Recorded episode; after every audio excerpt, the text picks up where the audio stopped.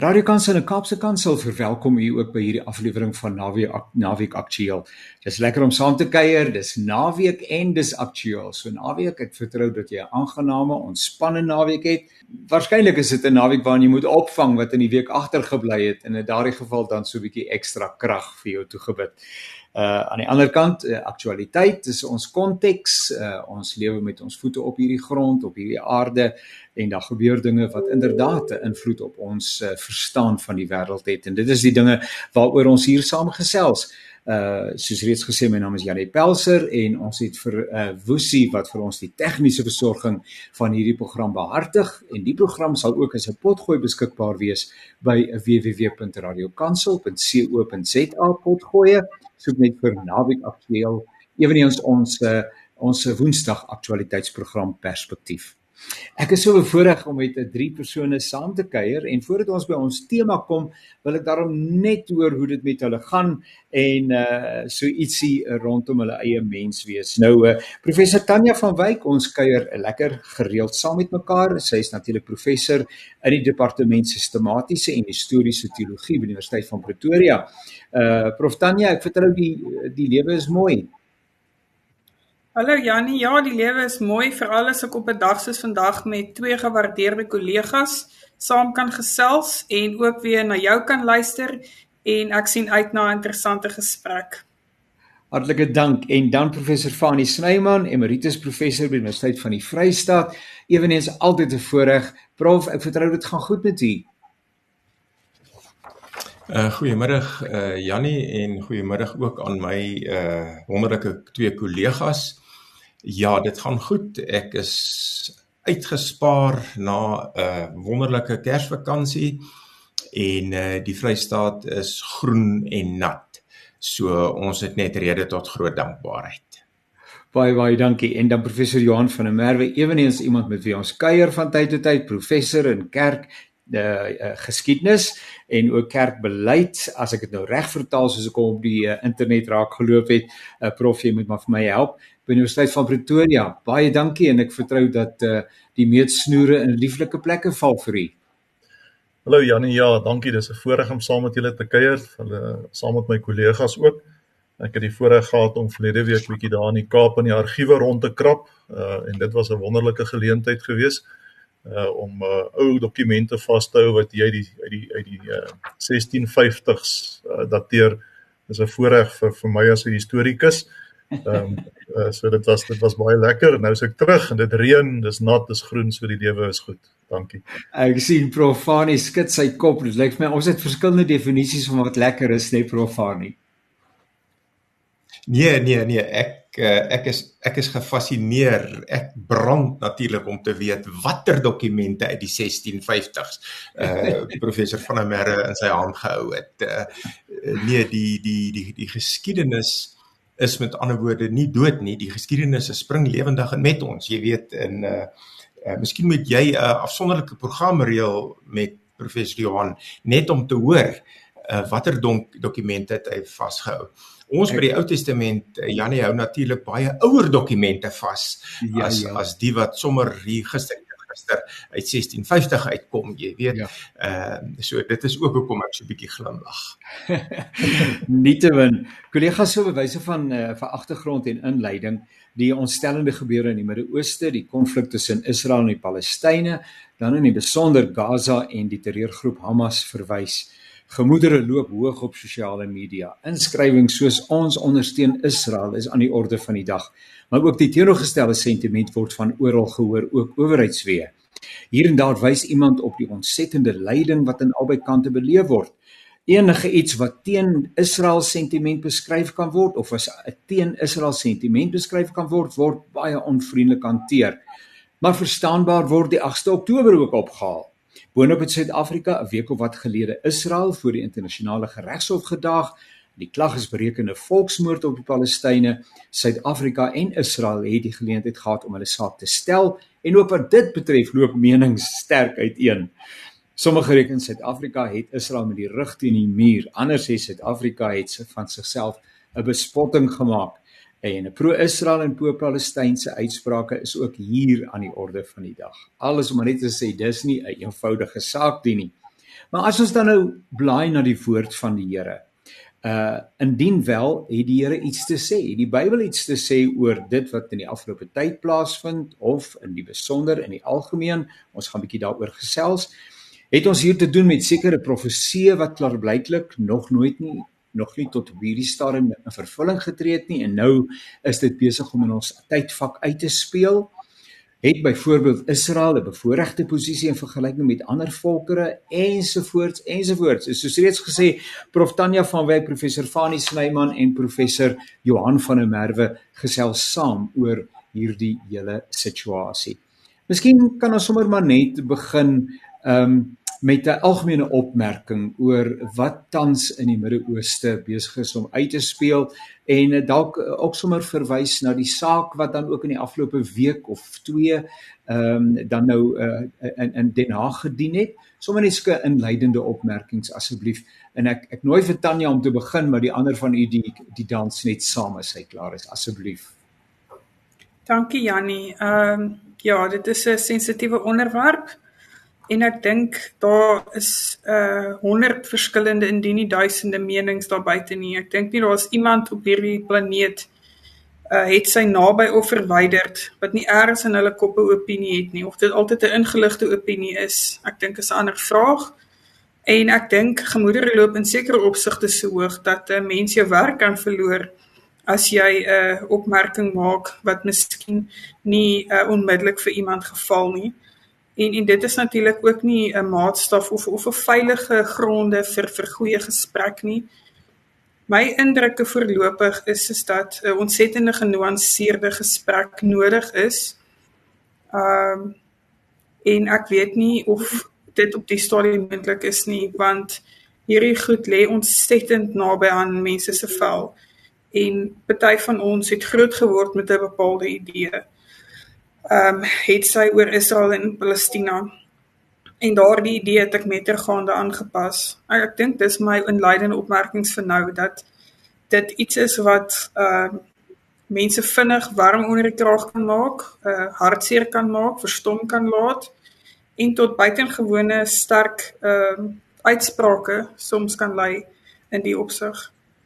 En ehm um, dis hoekom gesprekke soos hierdie so nodig is, maar ek dink ehm um, ons moet mekaar van die begin af soort van respekteer en ook 'n weg vind om vir mekaar te luister. Ek dink dis my inleidende opmerkings Jannie.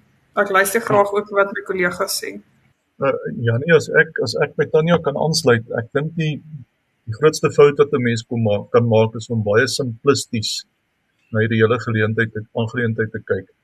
Ehm um, as mens gaan kyk na die na die geskiedenis en hoe die ek praat van die resente geskiedenis uitgespeel het uh, rondom Palestina en Israel hier van uh, van die Eerste Wêreldoorlog af kom ons praat van die 20ste eeu dan het daar 'n klomp ontwikkeling plaasgevind en daar's 'n klomp politieke magte in goed betrokke wat uh, wat 'n groot rol speel uh, in in in wat daar uitspeel. En om dood eenvoudig uh, kits antwoorde of kits oplossings te probeer vind gaan dit eenvoudig nie gaan dit eenvoudig nie werk nie. Jy het verwys na die na die na die saak iets wat my en ek is daaroor dalk te uitgesproke. Dit is my nogal interessant dat ons goeie regering ehm um, 'n saak van volksmoord gaan aanhangig maak teen Israel. Ek het gaan kyk na die statistiek. Ek dink tot op 15 Januarie is daar 24000 mense plus in in in hierdie oorlog dood wat wat wat angswekkend is. Dit is verskriklik. Maar as mens na die statistiek in ons eie land kyk, dan uh, was die laaste syfers 23000 mense wat in ons land jaarliks vermoor word. Wat beteken dat in die tyd wat die uur van hierdie program verby is, 3 mense vermoor is in Suid-Afrika. Jy weet hoe hierdie ouens dit reg kry om 'n om 'n ander ander land te gaan aankla van volksmoord terwyl dit hier so gaan is vir my nogal verstommend en en en ek sal dalk later daarby uitkom. Miskien is ons is ons oop op die verkeerde plek. Uh miskien en dit geld ook vir ons as gelowiges. Miskien moet ons ophou daar kyk en begin hier kyk en en en bespiegel oor wat daar aangaan en eerder begin doen en begin sin probeer sin maak uit wat hier aan die gang is. Hartlike dank daarvoor en eh uh, Profani. Ja, eh uh, Jannie, ehm uh, kom ek begin sommer deur doodgewoon blaatant eerlik te wees. Eh uh, toe ek die WhatsApp van jou kry en jy nooi my uit tot hierdie gesprek het ek met 'n bepaalde huiwering in my hart ja gesê. Want terwyl ek jou WhatsApp gekry het, het ek seker 3, 4 ander oproepe, WhatsApps, e-posse gekry van mense wat my oor hierdie saak genader het en ek was regtig ek wil sê onaangenaam verras met die heftigheid waarmee mense rondom hierdie saak reageer. Ehm uh, as jy dit durf waag om 'n kritiese opmerking, kom ons sê nou maar oor Israel se optrede in die Gaza gebied te maak, uh, dan is jy terstond uh antisemitisties in jou uitsprake. As jy uh 'n opmerking maak teen die Palestynse optrede dan het jy geen hart vir die verskriklike menslike lyding wat daar afspeel nie. So jy word onmiddellik in 'n in 'n pro-anti-kamp geplaas. Ja. Uh dit dit is die dis dis die dis die eerste opmerking wat ek wil maak. Ek dit is vir my interessant hoeveel emosie hierdie saak by kom ek sê nou maar in in die leefwêreld waarin ek nou leef by lidmate van die kerk wakker maak. Dit dit was net vir my interessant. En dan wil ek aansluit by uh, wat beide Tanya en uh, Johan gesê het. Uh, ons moet regtig sensitief wees vir die kompleksiteit van hierdie hele aangeleentheid. Professor Johan het verwys na die historiese kompleksiteit, die dinge te geskiedenis Hy het verwys na die afgelope 100 jaar, maar eintlik is dit 'n konflik wat langer as 'n 100 jaar al reeds strek. So histories is die saak kompleks. Ek dink polities is die saak geweldig kompleks. Uh ek het toevallig uh, vroeër die week met 'n politieke wetenskaplike gesels en die persoon sê vir my ons het nie 'n idee hoeveel verdeeldheid daar binne Israel is oor hierdie saak nie. Ons het nie 'n idee hoeveel verdeeldheid daar in die Palestynse gebied is oor hierdie saak nie. So dit is 'n absolute oorvereenvoudiging om te praat van Israel versus die Palestynë, Israel versus Gaza, Israel versus Hamas. Uh dit dit is uiters kompleks en dan natuurlik die godsdienstige kompleksiteit. Israel, Judaïsme, groot deel van die Palestynse gebied, uh islamities met ook Christene daar net om vir die luisteraars 'n uh, 'n idee te gee van die kompleksiteit van die saak waaroor ons vanmiddag praat. Sjoe, kollegas, baie dankie dat u ehm um, ook ons luisteraars uh bewus maak van ehm um, hoe moeilik dit is om oor hierdie saak te gesels. Ehm um, en en en ons gaan genuanceerd 'n uh, middeweg volg uh, waarin uh, uh, uh, dis altyd lekker om te kan sê my verstaan van 'n sekere ding. Dalk is dit 'n manier waarop 'n ou bietjie wegkruip, maar ten minste kan niemand by jou beklei nie want dit is my verstaan. En inderdaad is daar so staan jy gesê het soveel menings oor hierdie spesifieke situasie tans feit van die saak is en en ek dink dis die ding wat ons almal ontroer uh, ook ons luisteraars is dat uh Johan het gemeld bykans 24000 mense benewens die ongevalle in Israel uh wat reeds op 'n verskriklike wyse swaar kry en wat op 'n manier in hierdie kruisvuur beland. Uh en en, en soos iemand nou die dag geskryf het sy enigste sonde is uh, dat hy as Palestyn gebore is. Uh soos wat ek as Suid-Afrikaner gebore is. Ek het daar geen aandeel in nie. Ek kan nie daarop roem nie. Ek is net die Here te dankbaar. Uh so en selfs dit is dalk alreeds aanvegbaar. Maar kom ons kom ons probeer dan by 'n middeweg bly waar ons probeer en en gelukkig wil ons verstaan of die Bybel iets te sê het oor hierdie situasie. En en nou is dit so dat Israel ehm um, 'n sleutelmoment in die ganse Bybelverhaal in die Heilsgeskiedenis verteenwoordig. Kan ons dan nou daaroor gesels asseblief? Wie is Israel binne Bybelse verstaan, binne die Bybelse raamwerk? En ek gaan nou weer onregverdiges en op Tanya se nommer druk, maar vandag wil ek hê u moet asseblief sommer net die gesprek aan die gang hou eh, ek saam met u en u saam met my. Tanya asseblief, wie is Israel as ons dan die Bybel oopmaak? Ons maak die boek nou oop en ons sê okay, hier loop ons vir Israel raak. Ja nee, jy vra nou vir die sistematiese teoloog en eintlik moet jy vir 'n Bybelwetenskaplike daai vraag vra. Ehm um, en ek is seker die Bybelwetenskaplike sal die vraag beantwoord. En wel, antwoord is 'n sterk manier om dit te beskryf. Sal genuanceerd vir ons kan help daaroor want dis waarvoor ek Fani vertrou. Ja. Ehm uh, Ek dink om net aan te sluit by jou laaste samevattende opmerkings die rede hoekom hierdie saak so sensitief is, ten spyte van die wêreld se sogenaamde idee dat ons gesekulariseerd leef, het godsdiens nog die vermoë om sterk opinies na vore te bring. Het sy daarvoor of daarteen as ons nou op die polariserende manier kyk. Met ander woorde, dit is fascinerend om te sien dat hierdie oorlog hierdie sterk opinies na vore bring. Daar is ander oorloë in die wêreld aan die gang En daar's baie opinies daaroor, maar oor hierdie een is daar baie spesifieke kwaai opmerkings wat vir ons van eerste plek sê godsdiens speel nog steeds 'n rol al wil mense dit ontken. En dit lei my nou na my tweede opmerking toe ten opsigte van jou vraag en en hoe die identiteit van Israel wat ongelooflik kompleks is en ook nie dieselfde is um regdeur dit wat ek in die Ou Testament lees nie.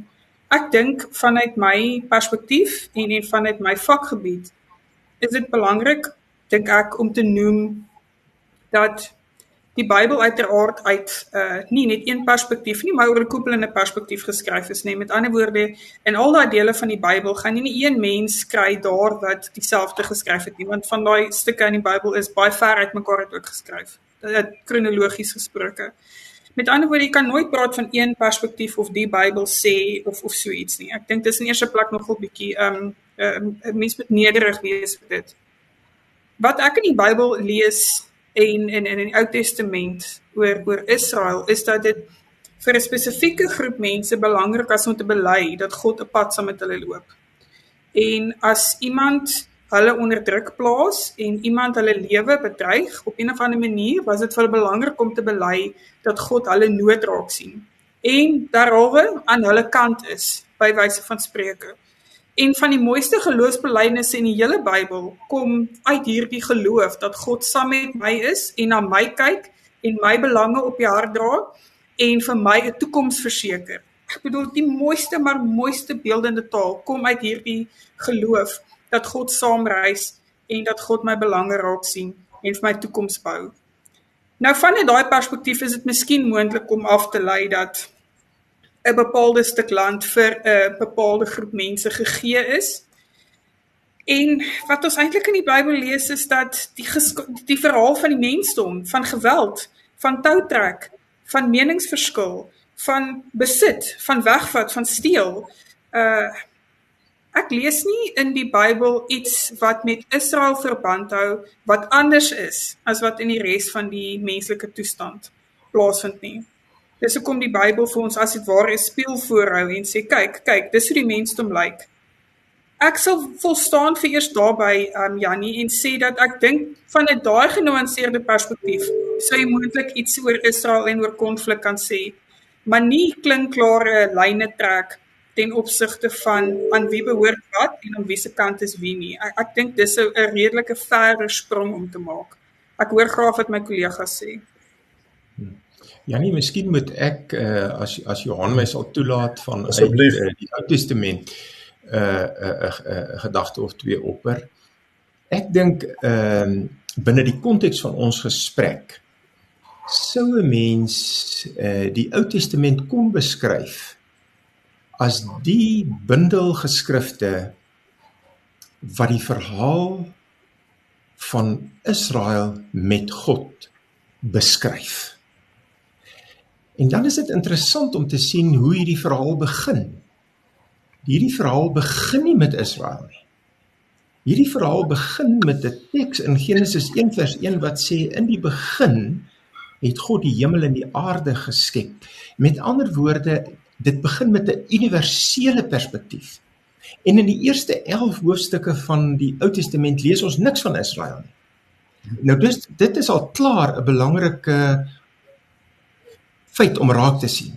Ja. En dan van Genesis 12 af met die met die roeping van Abraham begin die verhaal van God wat met individue wat met stamme éventueel die hele volk wat ons Israel noem 'n pad loop. Hy het hy het Abraham geroep. Hy het sy volk uit Egipte verlos. Hy het hulle deur die woestyn gelei. Hy het hulle by Sinai gebring waar die verbond gesluit is. Hy het hulle deur éventueel die land ingelei. Hulle is gevestig in die land. Daar was konings gewees. Hulle het éventueel die land verloor maar hulle het ook weer die land gekry. En gepraat van die land, interessant dat Genesis 12 die verhaal van God en sy volk by Abraham begin met die belofte van 'n land en 'n groot nageslag. En land moet 'n mens ook heel konkreet verstaan as die plek waar mens lewensruimte het. En dit is vandag nog so. Ehm uh, ek woon op 'n stukkie grond so ongeveer 300 meter by 300 meter. Dis my land. Dis die lewensruimte wat wat ek het. So die die land moet 'n mens ook heel konkreet verstaan. God voorsien vir hierdie groepie mense 'n lewensruimte waarbinne hulle 'n bestaan kan maak. Hoekom dit Israel is van alle volke Interessant genoeg, dit word nooit gesê nie. Maar in Deuteronomium 7, ek dink is vers 11, sê die Here via Moses vir die volk: "Ja, jy het my volk geword. Nie omdat jy die sterkste of die beste is nie. Trouwens, jy was die geringste van al die volke en tog het ek gekies om met jou 'n pad te loop." Nou, uh, ek dink vereers is dit net genoeg om om te sê kom ons dink aan die Ou Testament as die verhaal van Israel en God wat saam 'n pad met mekaar geloop het.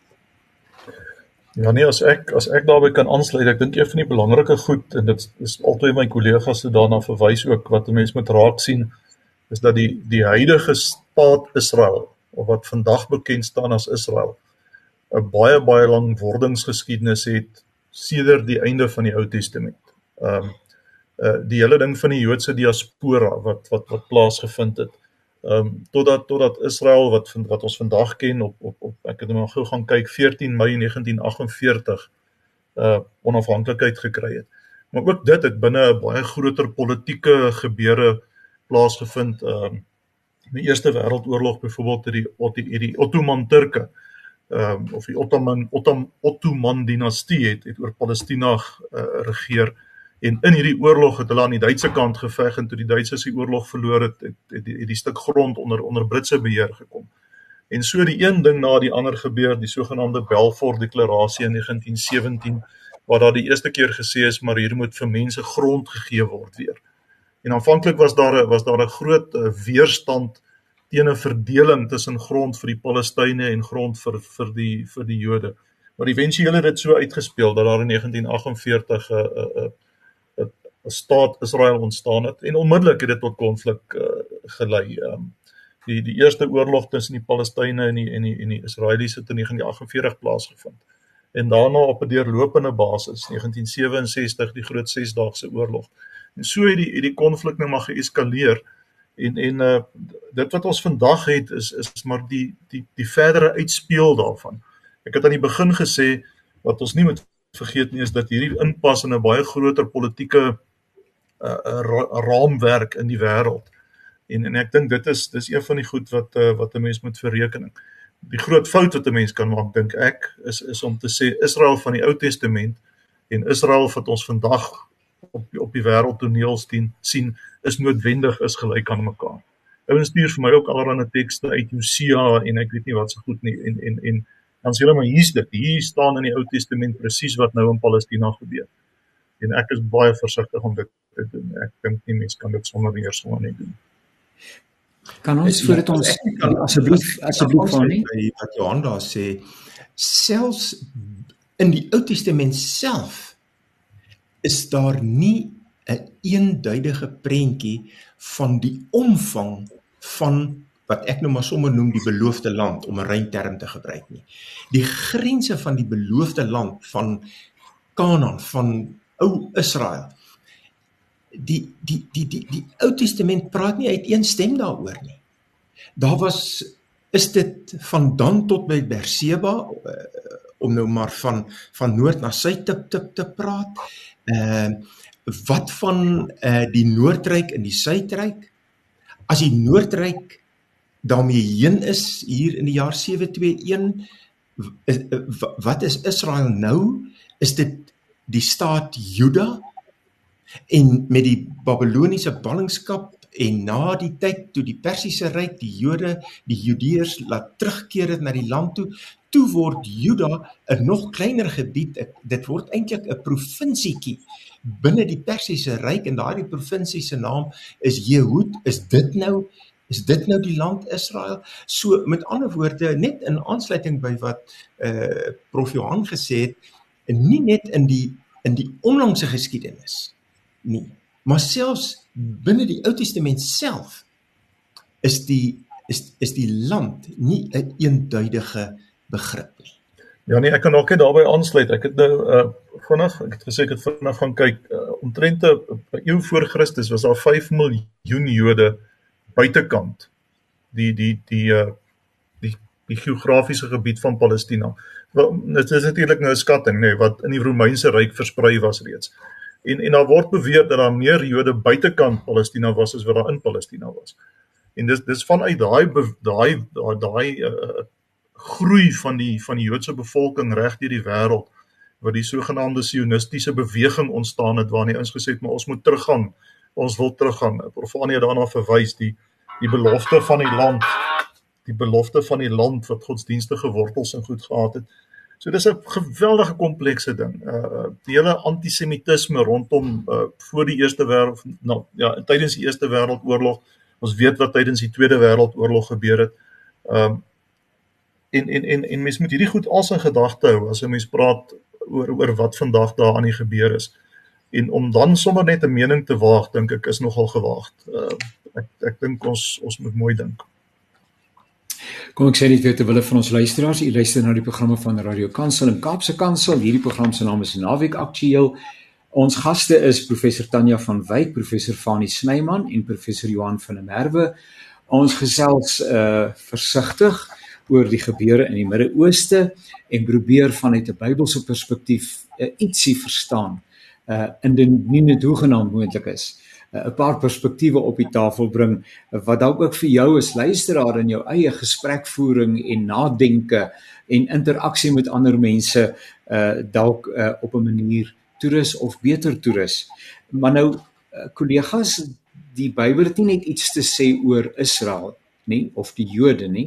Maar uh, as ek nou dink aan die geskiedenis wat Profani so mooi aangestip het vanuit Egipte op pad na die beloofde land uiteindelik in Kanaan uh, waar uh, en ook selfs in die woestyn en die smeer ehm um, daar ander volkere uh samelewingsverbande hoe moet ek dit nou noem uh, uh met wie hulle uh te doen gehad het. Wat sê die Bybel uh en ek weet dis nou 'n groot vraag en ons is nou net my veral nou in die Ou Testament uh, oor die ander wat dan nou nie ehm um, aanstekens Israel is nie.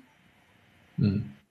Janie, as ek daar sommer vinnig uh so van die heup af kan skiet, uh, dis 'n dis 'n baie goeie en ek dink 'n interessante en 'n noodsaaklike vraag wat jy daar vra.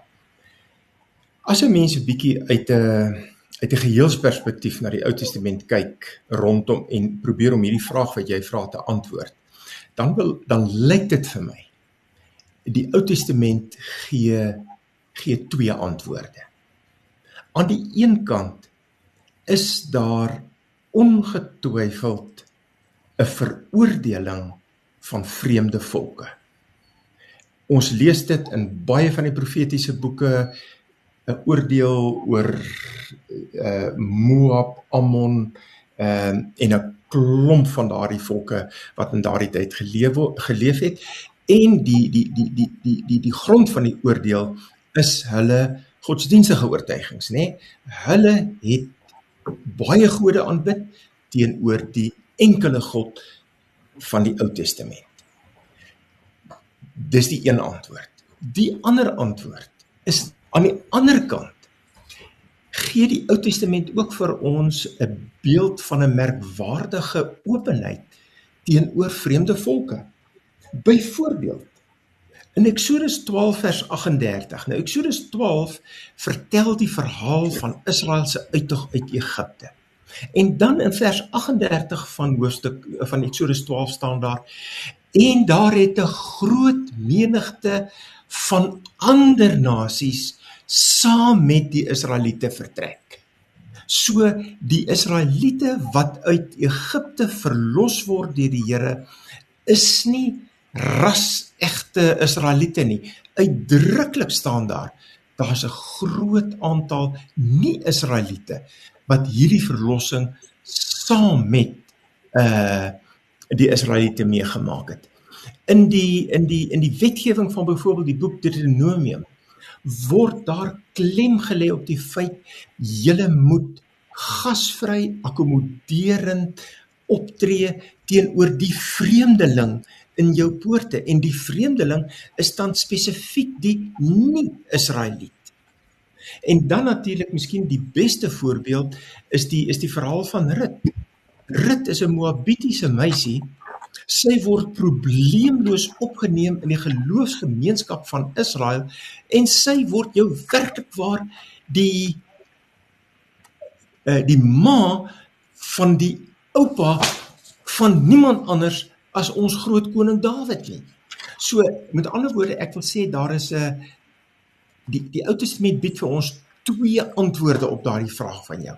Aan die een kant 'n veroordeling van ander volke, maar te gelykertyd 'n merkwaardige openheid teenoor ander volke om aan te sluit en deel te word van die volk van God.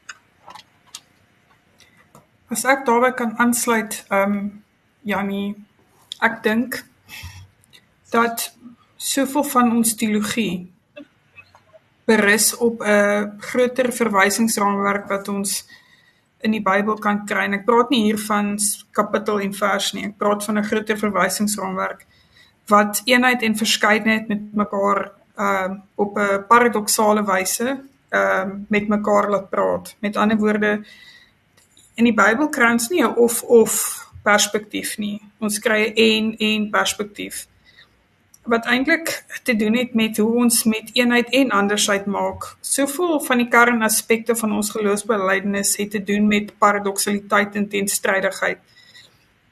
Alles wat ons oor God bely het te doen met dat ons God se te gelyke ehm um, sigbaarheid en onsigbaarheid bely, dat ons Jesus se menslikheid en goddelikheid bely dat ons in ons Christelike teologie 'n belydenis het van 'n drie-enige God wat drie in een is. En al hierdie kategorieë het te doen met iets wat sogenaamd lyk asof dit nie met mekaar kan praat nie, wat totaal en al anders is. En tog op 'n manier word eenheid en die verskeidenheid, die teenstrydigheid geakkommodeer. En in daai opsig is die Bybel vir my in nog altyd 'n troosboek uh, gewees. Weer eens oorkoepelende boodskap juis omdat dit ruimte maak vir eenheid en verskeidenheid. In die Nuwe Testament vers wat ek in my eklesiologie en my navorsing natuurlik dikwels gebruik, is die geloofsbelijdenis wat ons in Galasiërs vind. Wat eintlik een van die oudste oudste tekste in die Nuwe Testament is, nee, wat die naaste aan die tyd van Jesus ontstaan het in Galasiërs. Uh daar's nie Jood, Griek, slaaf, vryman, man of vrou nie, almal is een in Christus. Nou dit skep 'n uh, uh, perspektief van radikale inklusiwiteit. En in daai opsig moet ons onsself vra en in die spieël kyk. So wat beteken radikale inklusiwiteit vir ons? En ek dink dit is die uitdaging van ons tyd. Daai tipe van radikale inklusiwiteit kan uh, baie mense baie ongemaklik raak. Uh, want dit is iets moeilik om uit te dink. En dit beteken jy moet in strydigheid en andersheid kan akkommodeer sonder om van die eie, die unieke, dit wat jou jou maak en dit wat jou nasie jou maak, uh weg te gooi. Dis nie ek dink wat gevra word van ons nie. Daar word nie gevra om die eie, die unieke prys te gee nie. Daar word gevra om die eie en die uniekheid van ook ander raak te sien en te erken en erns dit tot harmonie uh saam te voeg. So ek wil maar net daarbey aansluit um ten opsigte van daai oorkoepelende saak wat Fanie op die tafel sit en opsigte van andersheid ook. Ja nee, as ek as ek daarby kan aansluit uh, en dis een van die goed wat wat wat vir my baie moeilik is as ou teruggaan na die Ou Testament toe en teruggaan na na die die verbond wat God met Abraham gesluit het. Ons het interessant dat die verbond met Abraham gesluit word, maar dat Ismael en Isak uit Abraham se nageslag gebore word. En ek het nou hier gou gekyk in die teks. Daar staan spesifiek waar die Here sê ek vir Abraham sê ek het gehoor wat jy van Ismael gesê het, maar ek sal hom ook seën en ek sal sy nageslag ook baie maak. En as mens gaan kyk hoe dit uitspeel in die geskiedenis, dan is dit Isak se nageslagte en Ismael se nageslagte wat nou met mekaar in 'n oorlog uh, gewikkel is. Dis nou baie oorvleudig. Maar albei van hulle kom uit dieselfde voorvader Abraham se nageslag en albei van hulle kom uit die verbond uit.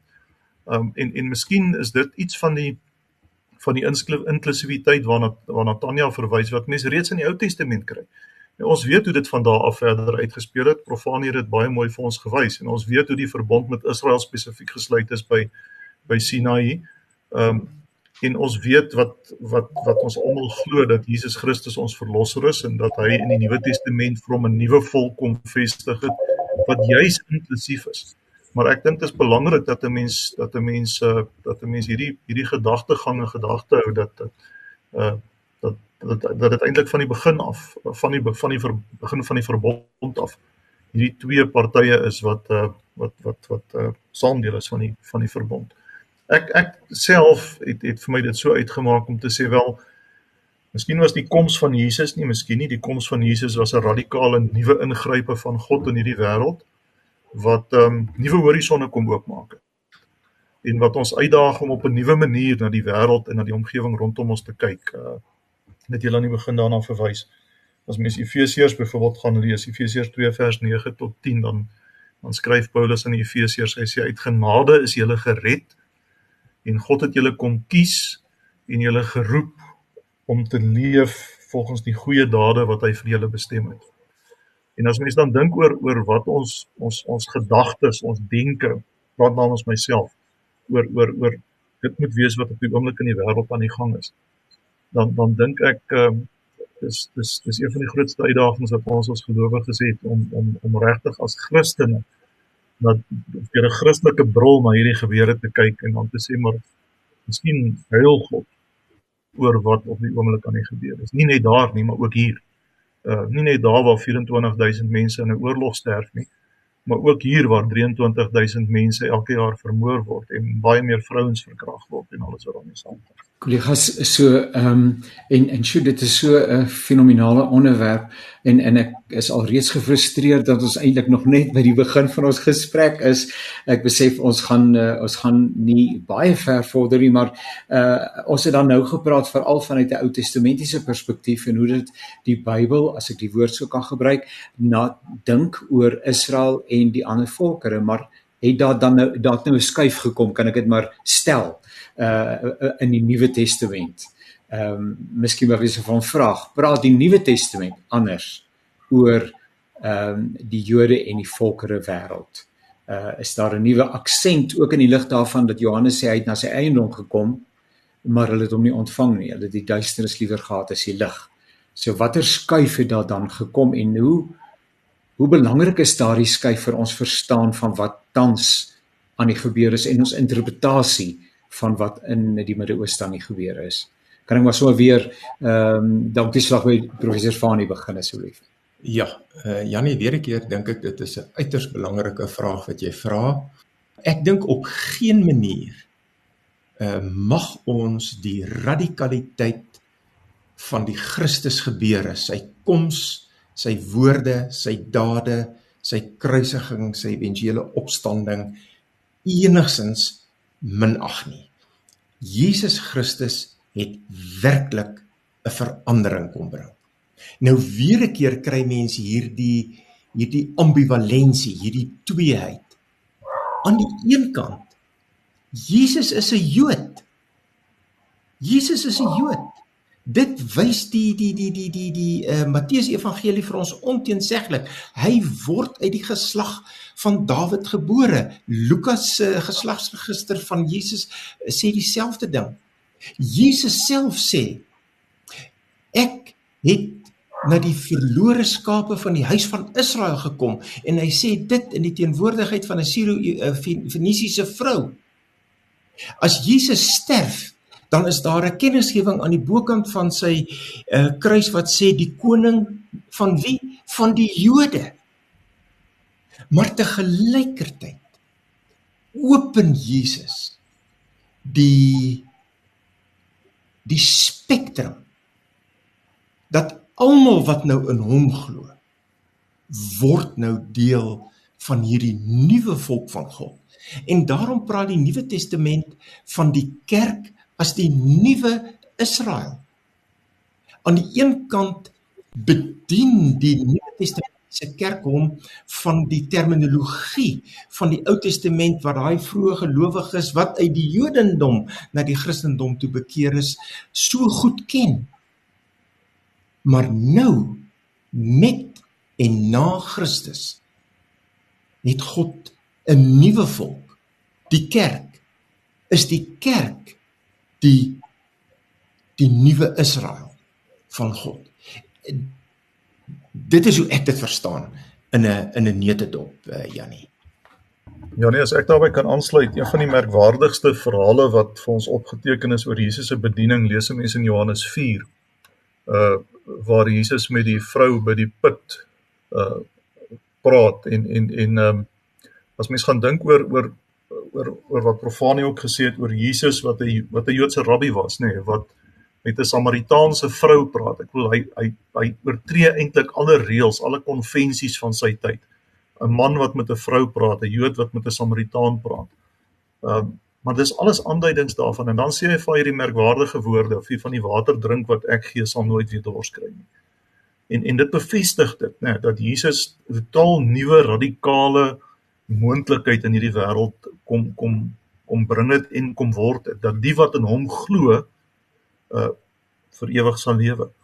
En die die word gekwalifiseer deur hulle geloof, nie deur hulle ras of hulle kleur of hulle afstammeling of hulle herkoms of of wat ook of, of wat ook al nie. Dit gaan oor geloof in hom as verlosser en as Here. En en ek dink dis die dis die belangrike ding wat ons vandag moet raak sien. Ehm um, in hierdie de mekaar chaotiese wêreld waarin ons leef, is dit waarskynlik die enigste kwalifiserende uh uh faktor as mens dit kan kan noem verdeel wees van God se nuwe volk. En dis geloof in Jesus Christus, die feit dat hy die seun van God is, dat hy na hierdie wêreld gekom het, dat hy opgestaan het en die dood oorwin het en vir ons die pad hemel toe gaan oopmaak het. Jy het vir ons 'n teks gestuur, ek dink uit Romeine 11, um oor die die toekoms waar Paulus skryf oor die toekoms van van van Israel. En is interessant dat een van die kommentare sê dit gaan nie oor 'n volksbekering van Israel nie. Dit gaan as mens die hele hoofstuk gaan lees en al die verskillende verse mooi uitmekaar gaan haal, gaan dit ook wat hulle aanbetref uh oor die mense wat Jesus Christus aanvaar, wat wat wat in hom glo, wat wat wat gered sal word. Maar vir my was die aangrype in daai gedeelte wat jy vir ons gestuur het, dat Paulus sê hier skryf ek oor een van die groot geheimenisse En miskien is dit waar die sleutel ook lê, nê, is dat ons aan die een kant weet wat ons weet, wat ons leer in die Nuwe Testament en in die Ou Testament, maar dat ons mekaar daarom herinner dat ons ook hier te doen het met een van God se groot geheimenisse, een van die groot misteries. En dat ons nie moet probeer om God te speel en elke dingetjie moet probeer uitmekaar rafel en probeer verstaan nie. Maar dat ons eerder vir mekaar moet vra maar wat is my roeping? En wat kan watter verskil kan ek maak hier op die plek waar ek is? As as as 'n gelowige. Ek wonder of ons ons is besig om nou die ek wil twee vrae nog vra. Uh en en ons hooplik kan ons die gesprek uh kontinueer. Dit sou wonderlik wees as die konflik daar uh opgelos word binne die afsienbare tyd en ons nie nodig het om verder oor hierdie saak te gesels nie. Maar die hele gedagte naamlik dat die Here nie klaar is met Israel nie. Ehm um, sou ek kon sê maar die Here is ook nie klaar met die Franse nie. Hy is ook nie klaar met Suid-Afrika nie. Hy is ook nie klaar met ehm um, met watter ander uh groep groepering daarvan ook al sprake mag wees nie. Uh, daar's is daar 'n spesiale plan wat dan spesifiek vir die Ou Testamentiese volk van die Here sogenaamd geld of is God nie met die wêreld klaar nie? Nie voordat dit klaar is nie. Dan ja. Ja, nee, dis 'n eweneens 'n belangrike vraag, maar 'n baie moeilike een natuurlik ook. Ehm um, ek dink dis vir my op 'n manier kompleks maar ook eenvoudig. God maak klaar wat God begin. En ehm um, God is nie klaar nie. Ek dink die sterkste een van die mooiste en die sterkste aspekte van die Christelike teologie vind ons in die in die eskatologie wat iets te doen het met hoop. 'n hoop op 'n tipe van 'n volëinding en 'n afsluiting. En in daai geloof bely ons dat God nie met ons klaar is nie, dat God met ons die pad aan loop. Ek dink almal sal opinies hieroor hê. Ek is nie bereid om te sê dat ehm um, God met enige een van ons klaar is nie. Ek dink ons sit in die wêreld vandag glad nie meer so iets soos 'n suiwer identiteit elkeen van ons nie. Elkeen van ons identiteite is hibrid op 'n manier. Uh dit het vandag mode geword om al hierdie uh toetse te doen om te kyk uh wat waar vandaan of kom jy en uit watter baie stamme kom jy en uh deels Hollands en deels Duits, deels Engels en deels Viking het ek nou al gehoor by van die mense. Dit is baie interessant dat altyd daai uitkom. Die punt is dit dat nie een van ons 'n uh, spesifieke suiwer identiteit het nie. Ons almal is hibrid. Ons almal is mengsels van 'n verskeidenheid. En vir daai rede weet ek nie of iemand kan sê dat 'n uh, God met 'n spesifieke nasie of persoon klaar is nie. Um ek dink ons is heeltyd in siklusse besig. Een van die mooiste digters wie se werk ek nou onlangs weer begin lees het om dit uh die Duitse teoloog Jürgen Moltmann om verskriklik aanhaal is T.S. Eliot. En T.S. Eliot het skryf in sy vol quartet, sy vier kwartette, skryf hy uh gereeld soos 'n refrein aan die einde is die begin en aan die begin is die einde. En ek dink dit sê vir ons dat as iets eindig, kom daar 'n nuwe begin. Wanneer iets begin, is daar 'n moontlikheid van 'n einde en ek dink nie ons is heeltemal daar nie. Ek dink ons is nog in daai siklusse fase van God hou aan met ons werk en nie net met een nie. Anders as ek moet sê God is klaar met almal of God is klaar met niemand. Uh in daai sin. Net 'n laaste vraag dan nou en bewyse van 'n 'n slot op slot opmerking van die kant af. Ehm um, uh dit is veral gelowiges wie se emosie uh ja geraak word uh wanneer daar gepraat word oor die konflik wat plaasvind uh wanneer ons verwys. Uh en en omdat gelowiges erns wil maak met die Bybel, uh word die Bybel dikwels nader getrek uh om die konflik na een of ander kant toe uh te probeer motiveer of substantieer of wat ook al watter woord ek ook al sou wou gebruik. So kry ek verlede week byvoorbeeld 'n aanhaling uit die Ou Testament ehm um, wat die persoon plaas waarin die totale vernietiging van Gaza Ou Testamenties profeties uh dan nou enerzijds en dan ook uh aangekondig word. En daar moet met uh, almal wat daar deel is en dit word nou as motivering aangebied vir hoekom die slagting tans besig is om daar plaas te vind. Dit het by my ontsettende ongemak veroorsaak. Ek het ook gereageer en te sê julle dis mense. Dis mense vergeet van die ideologie en al die goeders daar agter, maar mense kry swaar. Nietemin, uh miskien 'n 'n woord van 'n word of caution uh van elkeen van u af. Hoe moet ons as gelowiges op 'n verantwoordelike en verantwoordbare manier met die Bybel aan die een kant en hierdie situasie wat ons verbeelding aangryp aan die ander kant omgaan. Uh as 'n mens dit hoegenaamd by wyse van 'n slotopmerking sou kon hanteer, maar kan ek tog maar wel dit waag asseblief professor Fani. Ja. Janie, ek sou ek sou wou sê punt nommer 1. Ek dink dit is onwys van ons as gelowiges en as kerk om in hierdie konflik kant te kies vir of die een of die ander party. En daarom is wil ek sê en dis my tweede punt kom ons kies vir 'n derde kant. Die kant van geregtigheid. Want dit is ook 'n baie sterk Bybelse beginsel wat loop. God is die God van geregtigheid en gelowiges beywer hulle vir geregtigheid in die wêreld. En dit beteken dat ek as dit ware tussen tussen die die Israelies en die Palestynë en Hamas moet instap. En die onreg aan die kant van die Israelies moet uitwys en aan die ander kant die onreg aan die kant van Hamas moet uitwys en miskien deur beide kante verguis moet word omdat ek dit doen. Maar dan is ek getrou aan my getuienis om iets van God se geregtigheid te laat sigbaar word in hierdie wêreld.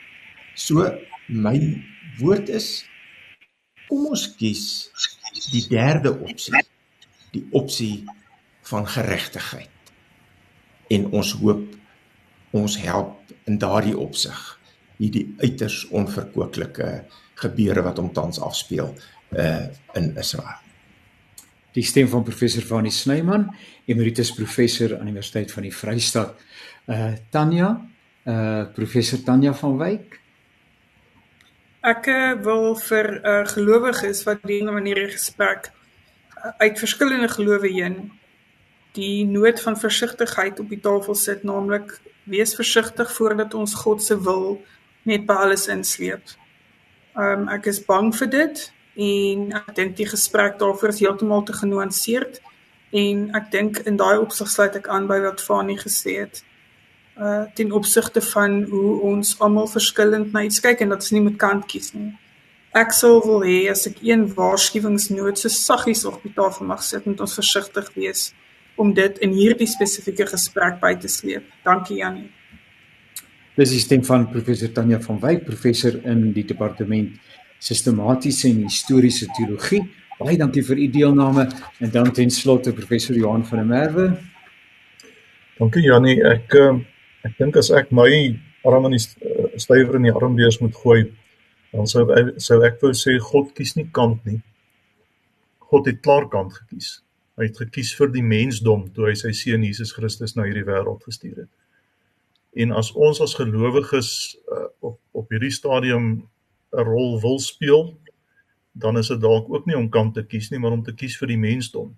En die beste manier waarop ons dit kan doen, is om hierdie almagtige God wat in beheer is van sy skepping, wat in beheer is van die wêreldgeskiedenis om te aanbid en deur gebed te vra dat daar 'n uitkoms moet kom in in die verskriklike oorlog, maar nie net daar nie, ook hier waar ons is. Ehm um, ek verwys altyd na na gebeure toe ek baie klein was en nou ek in, in die kerk gesit en aan die dominees gebid oor die val van die kommunistiese ryk. En niemand van ons dink ek het regtig geglo dit kan ooit gebeur nie. En toe gebeur dit in 1989 toe die magtige Sowjetunie binne dae dood eenvoudig in, in mekaar stort en verbrokkel. God is almagtig en hy het gekies vir hierdie wêreld en hy het gekies vir die mensdom. Dit het hy gewys toe hy sy seun Jesus Christus gestuur het. En uh miskien is die grootste uitdaging wat ons het om in hierdie tyd nie klippe te gooi nie en die kant te kies nie, maar eerder op ons knieë te wees en te vra dat hierdie almagtige God sal ingryp en dat hy uh verandering, kalmte, vrede weer sal bewerkstellig. Die stem van professor Johan van der Merwe, hy's professor in kerkgeskiedenis uh, onder andere. Baie baie dankie weer eens kollegas vir die deelname. Baie dankie luisteraars dat julle saam geluister het uh en uh, ook vir julle geduld. Baie dankie aan uh, Woesie vir die tegniese versorging van hierdie program. Onthou ook hierdie program en ek dink dit sal goed wees as mense weer daarna luister en dit veral deel in klein groepe en dis meer kan dit tog wel uh jou wat bydra tot 'n verstaan dalk van wat uh tans aan die gebeur is. Uh so mag Here vir u ryklik seën en uh volgende week as ons gespaar bly dan maak ons weer so Totsiens.